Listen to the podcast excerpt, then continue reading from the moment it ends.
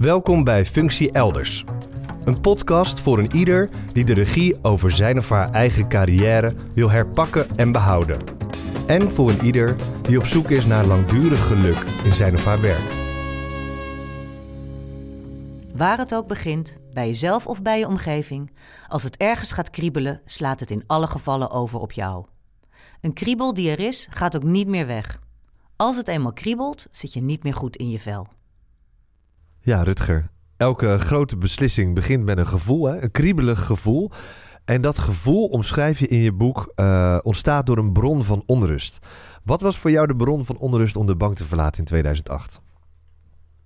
Ja, ik, ik had een groeiend gevoel van, van onvrede. Ik, ik had een groeiend, groeiend gevoel van, van zit ik hier nog wel op de goede plek? Uh, ben ik hier nog steeds zo blij als ik, uh, als ik, als ik een jaar geleden was? Of is het een gewoonte geworden? Uh, ik, ik, was ook nieuwsgierig. van ja, wat, als ik dit niet doe, wat doe ik dan?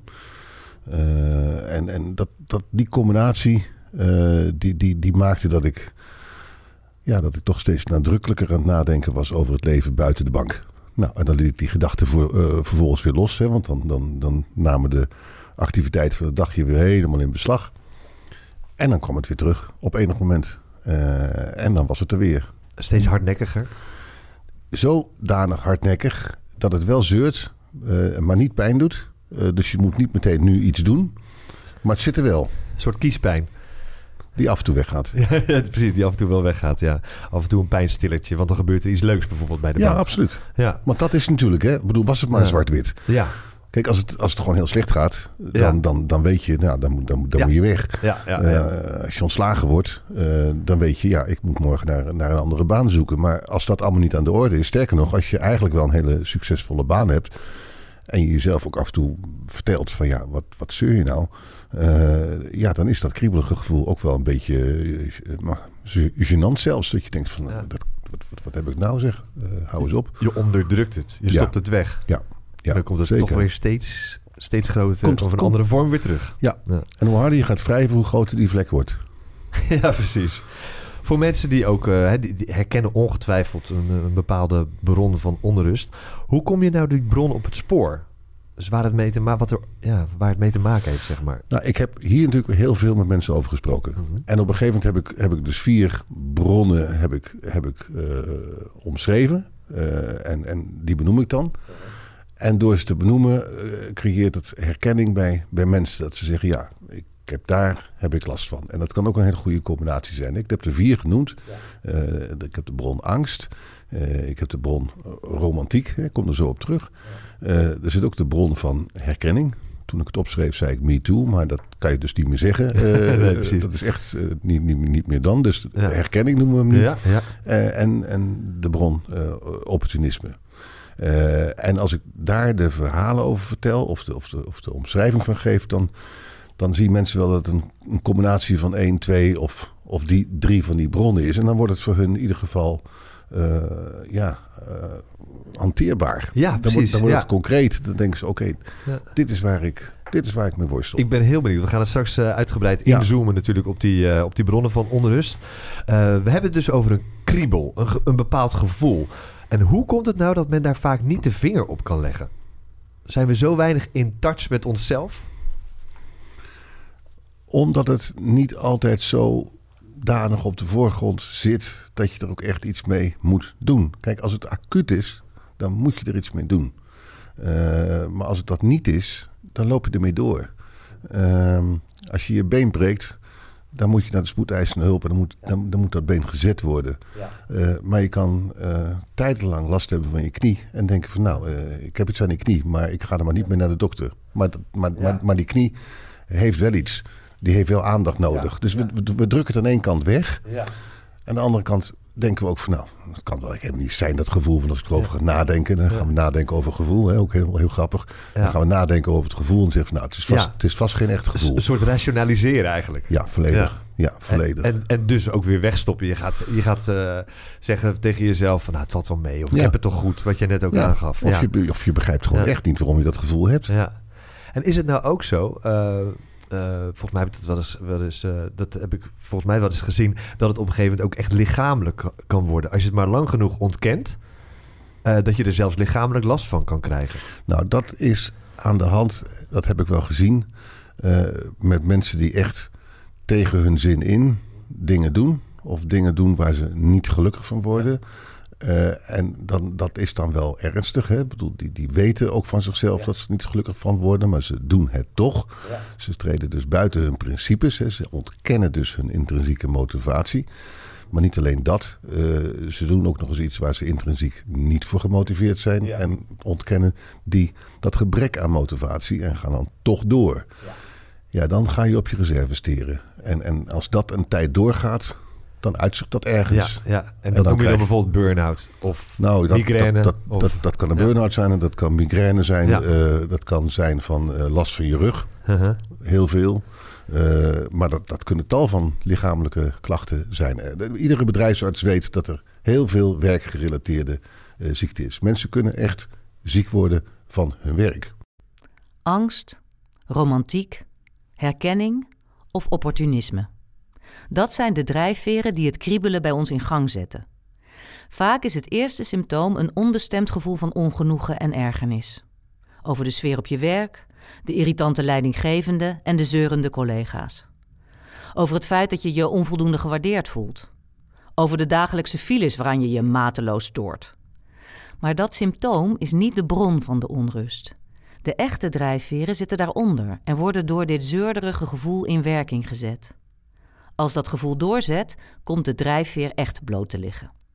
En dan bespeur je plotseling een angst in jezelf. Of een droom.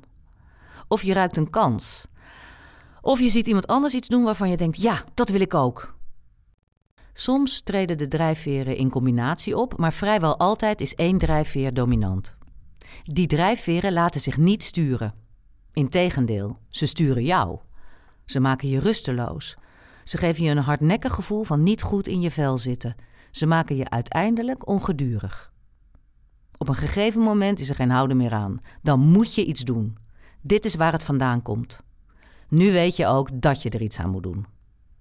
Leg eens uit, Rutger. Er zijn dus vier bronnen van onrust. Misschien goed om die even door te nemen. Ja, Het begint met angst. ja angst is een hele, een hele duidelijke. Eh, als er een reorganisatie aankomt en je denkt dat je baan op het spel staat. Eh, je, hebt, je hebt duidelijke vermoedens van nou, eh, ik, ik ben straks gewoon werkloos. Dan kan dat leiden tot een enorm gevoel van angst. Eh, kan ik mijn hypotheek wel betalen? Kan ik wel in mijn levensonderhoud voorzien? Dat is een heel existentieel gevoel. wat dan plotseling over je kan komen. En wat redelijk verlammend kan werken overigens. Maar wat ook een enorme call for action kan zijn. Uh-huh. Dat je denkt, ik moet iets doen. Want die angst die maakt dat je, even als metafoor, je rent uit dat brandende huis om jezelf te, om jezelf te redden. Ehm, en dat is een heel, dat is een heel sterk gevoel. Eh, dus, dus de angst kan je enorm tot, tot, tot actie zetten en kan je enorm tot de overtuiging brengen. Ik, ik moet nu echt iets gaan doen. Ik, ik weet nu dat het moet gebeuren. Ja, ik denk dat veel mensen dat wel herkennen op enig moment in hun carrière. Mijn, mijn vader had het overigens 45 jaar lang. Die was 45 jaar lang bang dat hij ontslagen zou worden bij dezelfde baas. Ja, ja. Maar goed.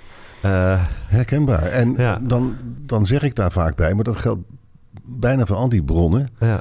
In hoeverre leg je het nou bij de buitenwereld? In hoeverre pak je nou je regie? Waarom laat je het afhangen van een werkgever of jij wel of niet mag blijven werken? En waarom, om die angst weg te halen, pak je dan niet de regie en leg je hem bij jezelf? Ja, en dat is ook het vervelende van al die bronnen van onrust. Ze beginnen buiten je, maar ze zitten in je. Eh. En je kijkt naar de buitenwereld en je probeert ze te rationaliseren, maar de, de echte onrust zit in je. Want je bent ergens bang voor, dus het is misschien beter om te adresseren bij jezelf. Wat maakt, maakt nou eigenlijk dat ik, dat ik, dat ik bang ben? En, en kan ik dat bespreekbaar maken? En kan ik daar dingen voor verzinnen waardoor het hanteerbaar voor me wordt? En ik eigenlijk niet meer bang ben wat een ander gaat doen. Ja. Of een baas mij nog eh, een contract gaat geven, ja of nee. Nee, ik ben dat voor, want ik ga stappen ondernemen en dan ja, heb ik de, de bron van die angst Ja. weggenomen. precies. Dus, dus eh, dat is waarom het ook zo belangrijk is om, om die bronnen op te sporen. eh, zodat je weet wat daaronder zit. En te realiseren dat die bronnen dus in jou zitten Ja. en niet in de buitenwereld zitten. Precies. En we hebben, het, eh, we hebben het over angst gehad. Nogmaals, ik denk dat veel mensen die, die angst eh, op enig moment herkennen. Eh, dan is er ook nog iets als romantiek. Ja, dat is eigenlijk het tegenovergestelde, maar hij is minimaal net zo hardnekkig. Dat is wat ik noem het gevoel van ik vertrek.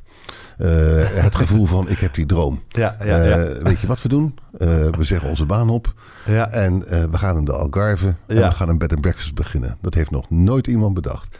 En daar worden ook programma's over gemaakt. Daar kijken we allemaal naar. Terwijl we kijken, eh, denken we bij onszelf... Wat, wat gek eigenlijk dat die mensen niet daaraan gedacht hebben... en daaraan gedacht ja, hebben. precies. Ja. En dan zien we vervolgens dat ze vergeten zijn een vergunning aan te vragen. En dan zien ze dat er geen, eh, geen stromend water is. En dan allerlei andere problemen die die mensen eh, overkomen. En dan is de badkamer stuk. En dan komt er geen gast, want dan is het corona. En al die ellende zien we dan op televisie eh, voorbij komen. En dat bevestigen ons in de gedachte van... zie je wel, die romantische gedachte. Dit is, dit is wat je ervan krijgt. Ja. Maar het mooie is, als we dan een keer een programma of twee later die mensen zien terugkomen. En we zien dat het goed gegaan is met ze. Dan zitten we te huilen op de bank. Dat vinden we zo mooi. Dan zijn we helemaal Ja, ontroerd. Want dan herkennen we in feite die romantische drijfveer. Van doe eens wat geks. Ga eens even helemaal echt je hart volgen. En niet Ja. je ratio volgen. Denk eens even niet aan wat de omgeving ervan zal vinden. Maar doe gewoon wat je wil doen. Omdat als je later oud bent en je kijkt terug en je hebt het niet gedaan. Dan heb je spijt dat je nooit geprobeerd hebt om op een bed and breakfast in de Algarve op te zetten. Precies. En die vergunning komt wel. Het, nou ja, of niet. Maar het, het, het gaat niet om die vergunning. Het gaat om dat jij het gevoel volgt van ik wil ooit een keer in mijn leven een bed and breakfast begonnen zijn in de Algarve. Ja. Als dat het gevoel is wat in je zit. en ik spreek heel veel mensen met dit soort gedachten. Als ik vraag aan mensen wat is je Ja. allergekste plan B. Ja. Dan komen dat soort gedachten er. Ik, ik, ik sprak laatst een, een kandidaat en die, die, die werkt in de vastgoedwereld. Die was niet zo tevreden eh, met, haar, met haar werk, wilde gewoon eens wat anders. Eh, ik zeg, wat ben je gaan doen toen? Nou, zei, toen ben ik een, eh, een cursus of een studie meubelmaker ben ik begonnen.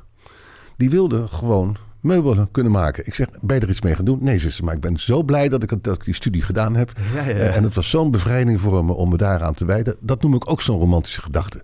Dat als dat in je zit, als je altijd maar langs de cognitieve kant, eh, de opleidingenkant, eh je ontwikkeld hebt, maar je wil op een gegeven moment een ambacht kunnen verstaan.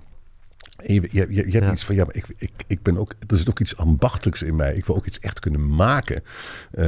Doe dat dan. En dan, Ja. dan zegt de buitenwereld, kan je daar geld mee verdienen? En dan zeg ik, dat doet er niet toe. Het gaat erom dat je die, Ja. dat je die drijfveer herkent bij jezelf. Dat je daarmee die bron van onrust uitschakelt. Eh, en dat je er dus iets mee gaat Ja. doen. En vaak, als we dan kijken naar Ik Vertrek bijvoorbeeld, gaf je een heel mooi voorbeeld. Als ze dan twee jaar later teruggaan naar die bestemming, dan hebben ze ineens dat succes. En, en ja, dan lijkt het wel alsof ze echt gedreven worden door iets buitenaards. Maar dat is eigenlijk hun eigen, dus wat in ze zit. Ja.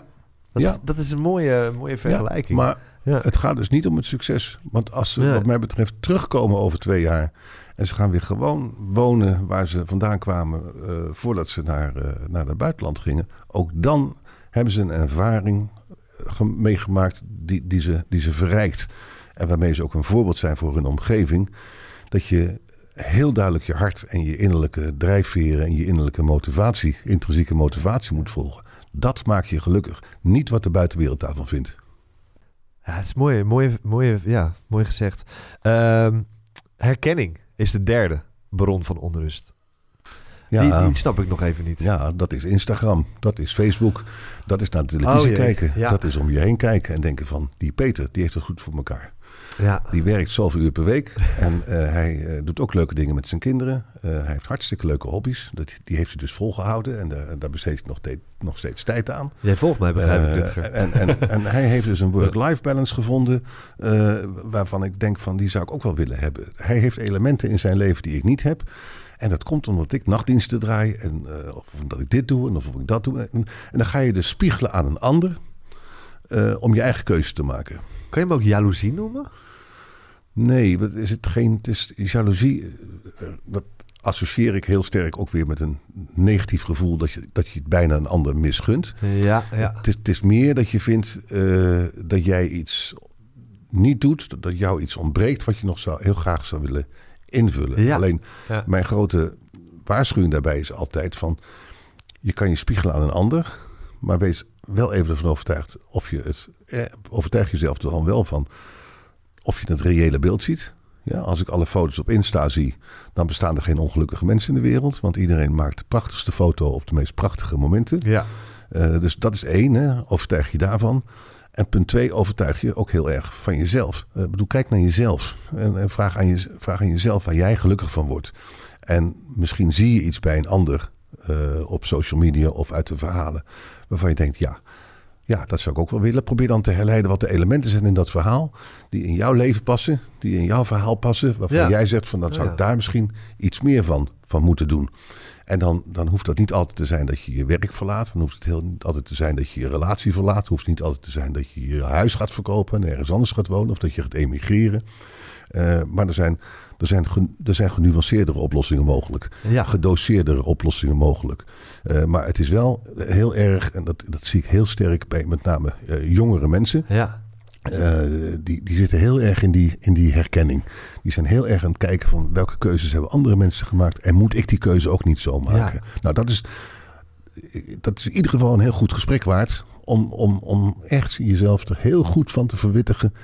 Uh, hoe, dat, hoe dat zit. En of dat, of dat reëel is zoals je daar tegenaan kijkt. Wat dat betreft is Instagram denk ik voor heel veel jongeren een mega bron van onrust. Uh, kan ik me zo voorstellen. Want ze worden continu in de tussen aanhalingstekens verleiding gebracht. Van, ja, misschien moet ik dat maar gaan doen. En die heeft het zo leuk en die doet dat. En die... is, dat is dat ook waar de onrust misschien bij, bij veel jongeren vandaan komt? Ja, het is een ongelofelijke bron van onrust. Ja. Uh, maar ik zou ik niet zijn als ik dat niet meteen zou omdraaien en zeggen: het is ook een enorme bron van inspiratie. Want het kan ook Ja. dingen bij je oproepen waardoor je denkt van nou, daar moet ik eens over nadenken waarom, Ja. dat, waarom mij dat zo inspireert. Waarom word ik zo gelukkig van dat Ja. plaatje wat ik daar zie of Precies. van dat verhaal wat ik daar, eh, Eigenlijk een soort moodboard, zeg jij. Kan je ervan maken? Ja, Ja. Ja. Zijn we bij de vierde aangekomen en dat is opportunisme. ja, dat is, dat, dat is eentje die, die is ook echt klassiek. Eh, dat is echt de situatie waarin je zegt: Oké, ik ben heel erg gelukkig met wat ik nu heb. Eh, het is allemaal prima. Eh, ik, ik heb eigenlijk geen enkele goede reden eh, om, om nu weg te gaan. Ja, ja. of om, om een ander werk te willen. Eh, maar, maar dit is zo'n opportuniteit. Dit is, dit is de kans van mijn leven. Dit, dit komt maar één keer voorbij. Oh, dit, dit, is, dit is het huis van de buurman. En dat komt echt maar één keer voorbij. En nu moet ik springen. Ik heb mijn leven lang al in Canada willen wonen. En wildlife willen doen. Of, of noem het maar op. Hè. Maar dat zijn echt. Dat is niet zozeer de romantische gedachte. als wel de, de opportuniteit. Ja. Ja, dat is voor mij als Johan Cruijff aan mijn deur klopt en zegt: Wil je voor me komen werken? Zo Ja. zijn, zo zijn Ja. er van, van Ja. dat soort momenten. of dat soort kansen die voorbij komen. dat mensen zeggen: Ja, maar als die kans voorbij komt. dan ga ik gewoon. Zoals Ronald Koeman die naar Barcelona ging. Ja, of iemand die heel goed kan zingen en die een goede baan heeft en die op een gegeven moment ontdekt wordt eh, op een talentenshow en die zegt ja, ik ga toch voor die grote carrière en dan laat ik maar mijn, mijn carrière maar voor wat die is, maar ik, ik, ik, ga, het gewoon, ik ga het gewoon nu doen. Eh, ik heb een keer eh, met een, een collega gesproken over, over de studie van zijn zoon. Zijn zoon had zijn middelbare school heel goed afgerond en die, die wilde eigenlijk natuurkunde gaan studeren. Dat kon ook. Maar hij was ook aangenomen bij de toneelschool in Maastricht. En toen vroeg hij aan mij, "Goh, wat moet ik hem nou adviseren, Rutger? Eh, en eh, nou, daar hebben we even over lopen nadenken. En toen zei hij van, nou, ik zou je zeggen wat ik hem geadviseerd heb. Ik heb gezegd van, nou, ga in ieder geval naar die toneelschool in Maastricht. Want of het nou wat wordt of niet, eh, je bent er aangenomen en ga het doen. Dat is gewoon een enorme kans. Natuurkunde kan altijd nog. Ja, en dat vind ik ook eigenlijk in deze categorie. Dat je zegt Ja. van, kijk, er doet zich een kans voor en die is zo uniek. Ja. Eh, die is gewoon de moeite waard om die, eh, om die met twee handen aan te pakken.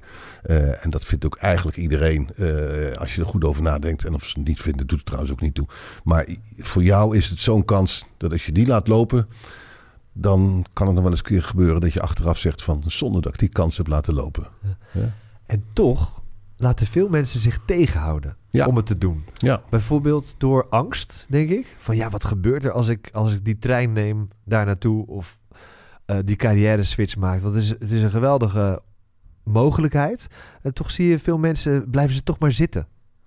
Heb ik het idee. Ik weet niet of jij dat ook merkt. Nee, dat merk ik niet zo. Nee? Eh, dat is persoonlijk. Ja, Eh, ja, ja. dat- Maar het kan heel goed. Angst is wel een hele goede reden om dingen niet te doen. ja. Maar mensen kunnen ook tal van andere overwegingen hebben om, eh, om het toch niet te doen. Want misschien zijn ze wel net ouder geworden. Of uh, misschien ligt een van hun ouders wel op een ziekbed. Dat ze denken, ja, daar moet ik toch echt voor zorgen. Dus het is niet helemaal het goede moment om nu naar Canada te gaan en te gaan emigreren. dus dat soort redenen kunnen allemaal een rol spelen. Maar je moet weten, daar gaat dit om. En daar gaat ook deze aflevering voor mij heel duidelijk om voor de luisteraar. Want als de luisteraar met dat gevoel rondloopt van ja, ik heb ook wel eens een keer dat ik denk ik zou wel wat anders willen doen in mijn leven. Dan is het heel goed om te vragen van wat is nou die bron? Ben je bang dat de weg waar je nu op staat hè, dat, of loopt, dat die doodloopt? Ben je echt bang dat, je, dat, dat die straks niet meer bestaat? Uh, heb je last van romantische gedachten? Van ik wil eigenlijk iets heel anders gaan doen, maar ik durf niet te zeggen, maar dat brandt in me. Ja, of, of heb je dingen gezien bij anderen waarvan je denkt, ja, maar dat is hem eigenlijk. Dat zou ik eigenlijk meer in mijn leven willen brengen, van die elementen. Ja, of, of is het op dit moment een, sprake van een kans waarvan je denkt, ja, als ik die laat lopen, dan, dan heb ik mijn leven lang spijt uh, dat, ik, uh, dat ik die heb laten lopen. Nou, door daar heel goed over na te denken, kan je een weloverwogen beslissing nemen. Kan je een gesprek aangaan met een coach of met een andere begeleider of met mensen die, die van je houden. Uh, en dan, dan heb je het in ieder geval voor jezelf helder gemaakt. En of dat antwoorden oplevert, weet ik niet. Maar het levert inzichten op. En met die inzichten word je wel weer wijzer en dan, dan komt er wel weer een volgende stap. Je adviseert dus wel om vervolgens daarmee aan de slag te gaan, bijvoorbeeld met een coach of een adviseur of een familielid, maar iemand met wie je kan sparren. Dat zou ik zeker doen. Dat zou ik zeker doen. Kijk, ermee rondlopen uh, en het voor jezelf houden, ja, dat kan. Uh, maar ermee rondlopen en uh, kijken wat anderen daarvan in, in, in zouden kunnen betekenen. Niet zozeer wat ze ervan vinden, maar wat ze erin zouden kunnen betekenen om jou tot een, tot een oplossing te, te brengen. Ik denk dat dat heel waardevol is. Ja. En zo kom je er dus achter door, door die bronnen van onrust op te sporen waar uiteindelijk je drijfveren liggen. Ja. Begrijp ik. Ja. ja. De bronnen van onrust, dat zijn dus angst, romantiek, herkenning en opportunisme. Uh, die staan in jouw boek beschreven, maar die sturen jou, zeg je ook in je boek. Uh, heb je volgens jou dan ook uh, minder invloed op, op die emoties dan je misschien zou denken? Nou, op het moment dat je de emoties zichtbaar maakt, bespreekbaar maakt, de emoties in de ogen kijkt en ze niet ontkent en ze niet wegduwt, op dat moment ontneem je eigenlijk die kracht aan die emotie. En dan, dan, dan maak je hem positief. Dan gaat, hij, dan gaat hij voor je werken. En dat is wat ik elke keer tegen mensen zeg. Ja, heb, nou, heb nou die zelfreflectie. Kijk nou goed naar jezelf. Heb dat zelfinzicht. Als je dat weet, er is niks goed of er is niks fout. Als jij bang bent, helemaal niet erg. Als jij romantisch bent, is natuurlijk ook helemaal niet erg. Maar weet hoe die emotie bij, bij je in elkaar steekt. Want dan kan je hem handelen. Dan kan je hem managen. Dan kan je er hulp voor vragen. Dan kan je hem in je kracht laten uh, werken. Voor je, in je voordeel laten werken. Uh, die emotie kan je echt heel krachtig maken. Je bron van kracht ligt, ligt heel dicht bij je bron van emotie. Maar dan moet je die emotie niet ontkennen. Want dan ontken je eigenlijk je eigen kracht. Uh, en doordat je heel dicht bij die, bij die emoties bent, zie je dus ook heel die, die drijfveren. En dan weet je, dit is wie ik ben. En dan ben je dus niet meer bang. Dan ben ik wel benieuwd hoe dat proces nou voor jou is geweest. En hoe, hoe het er nu uitziet voor jou. Ja, dat is grappig. Dat zijn twee vragen. Uh, want, want, want, mensen ontwikkelen, sommige dingen blijven, maar sommige dingen veranderen ook. Hè. Dus ik wil te zeggen, sommige emoties die komen sterker op de voorgrond en sommige emoties verdwijnen op een gegeven moment. Ik, ik schrijf ook ergens in mijn boek, uh, ik ben wie ik ben, ik ben nu niet meer bang. Dat was ik vroeger wel. Dus angst was vroeger voor mij een, een veel sterkere uh, bron van onrust. Uh, want ik ben een keer eerder weggegaan bij, bij de bank. Hè. Ik ben ik weggegaan bij Bankmeester Hopen. Uh, ook, ook, zeg maar, ook daar voelde ik onvrede. Bij ING voelde ik ook op een gegeven moment onvrede. En, en misschien was vroeger uh, angst wel een grotere blokkade voor mij om dan zo'n zo'n stap te nemen. Maar, maar, maar zat, er, zat, zat de bron er ook wel in dat ik, dat ik, dat ik, dat ik, ja, dat ik ook een romanticus ben. en heel erg in, in kansen geloof. Uh, ik heb zelf nooit zo last gehad van het kijken naar anderen en dat ook willen. Dat, dat zit er bij mij eigenlijk helemaal niet in. Uh, de angst is, is, is weggedreven. die is minimaal. Toen ik één keer voor mezelf begon en toen de tegenslagen op mijn pad kwamen, dan komen natuurlijk ook de momenten van angst komen, komen terug. Zit ik wel op het goede pad? Heb ik wel het juiste gedaan? Moet ik andere dingen gaan doen? Dan ga je heel alert worden. Komt er een enorme call for action komt er in je op. Dat je denkt, ik moet nu de bakens gaan verzetten. Want anders dan, dan gaan we de verkeerde kant op. Dan drijven we zo het, het, het, het, ravijn in. Maar als ik het over mijn hele 40-jarige carrière nu uh, bekijk... dan denk ik dat ik met name uh, de, de romanticus ben. Die dus heel vaak aan een plan B denkt. En denkt van nou, wat zouden we nog anders kunnen doen? Uh, en en ik, ik, ik eigenlijk altijd aan het kijken ben naar de, naar de opportuniteit. Uh, en denk van welke kans zit daar nog in? En is dat een kans waar we iets mee, is dat een kans waar we iets mee moeten? En dat vind ik zelf wel een bevrijdend gevoel. Omdat ik eigenlijk van alle, van alle drijfveren ik, ik angsten de meest onprettige vind. En ik heb ook wel iets in de gesprekken met, met mensen dat als ik merk dat die angst er zit, dat ik ze heel erg probeer uh, om van die angst af te helpen. Uh, dan wel die angst, die emotie positief te draaien en te zeggen: oké, als dat nou een hele sterke emotie is, in plaats dat die emotie je nou verlamt, hoe kan die je nou, hoe kan die je nou versterken? Want uh, als je het nou zit, kan je ook heel creatief worden en, en, en heel veel energie krijgen. En denken van ja, maar ze gaan mij niet klein krijgen. Uh, daar ga ik iets op verzinnen. En als je dan iemand naast je hebt die met je meedenkt en daarin gelooft. En die je daarin ook ondersteunt. Ja, dan kan die angst tot een hele positieve uitkomst leiden. En dat is voor mij als, als gesprekspartner met mensen is dat natuurlijk ontzettend fijn als ik dat kan, uh, kan bewerkstelligen. En als ik zie dat mensen uh, een opportuniteit hebben of een bepaalde romantische gedachte hebben, ja, dat, dat, is ook dat is goed om dat aan de ene kant te neutraliseren, te concretiseren, reëel te maken, uh, maar wel dat gevoel vast te houden. Ja, en als ik, als ik merk dat mensen zich heel erg spiegelen met anderen, ja, dan, dan probeer ik dus uit die spiegeling te halen van ja, wat zie je dan in die spiegel bij een ander? Wat je in je eigen in je eigen plaatje zou willen stoppen. Dus in plaats van wat je eerder zei in het gesprek een keer: van ben je dan jaloers op een ander? Waarom heeft zij of waarom heeft hij dat wel en waarom heb ik dat niet? De vraag van wat hij of zij heeft of doet, dat zou ik ook graag willen hebben. Hoe kan ik dat incorporeren in mijn werkende en in mijn hele bestaan, zeg maar. Dank voor het luisteren naar deze aflevering van Functie Elders. In de volgende aflevering ga ik het met Rutger hebben over de kernvragen. Wil jij ook meer regie over jouw carrière?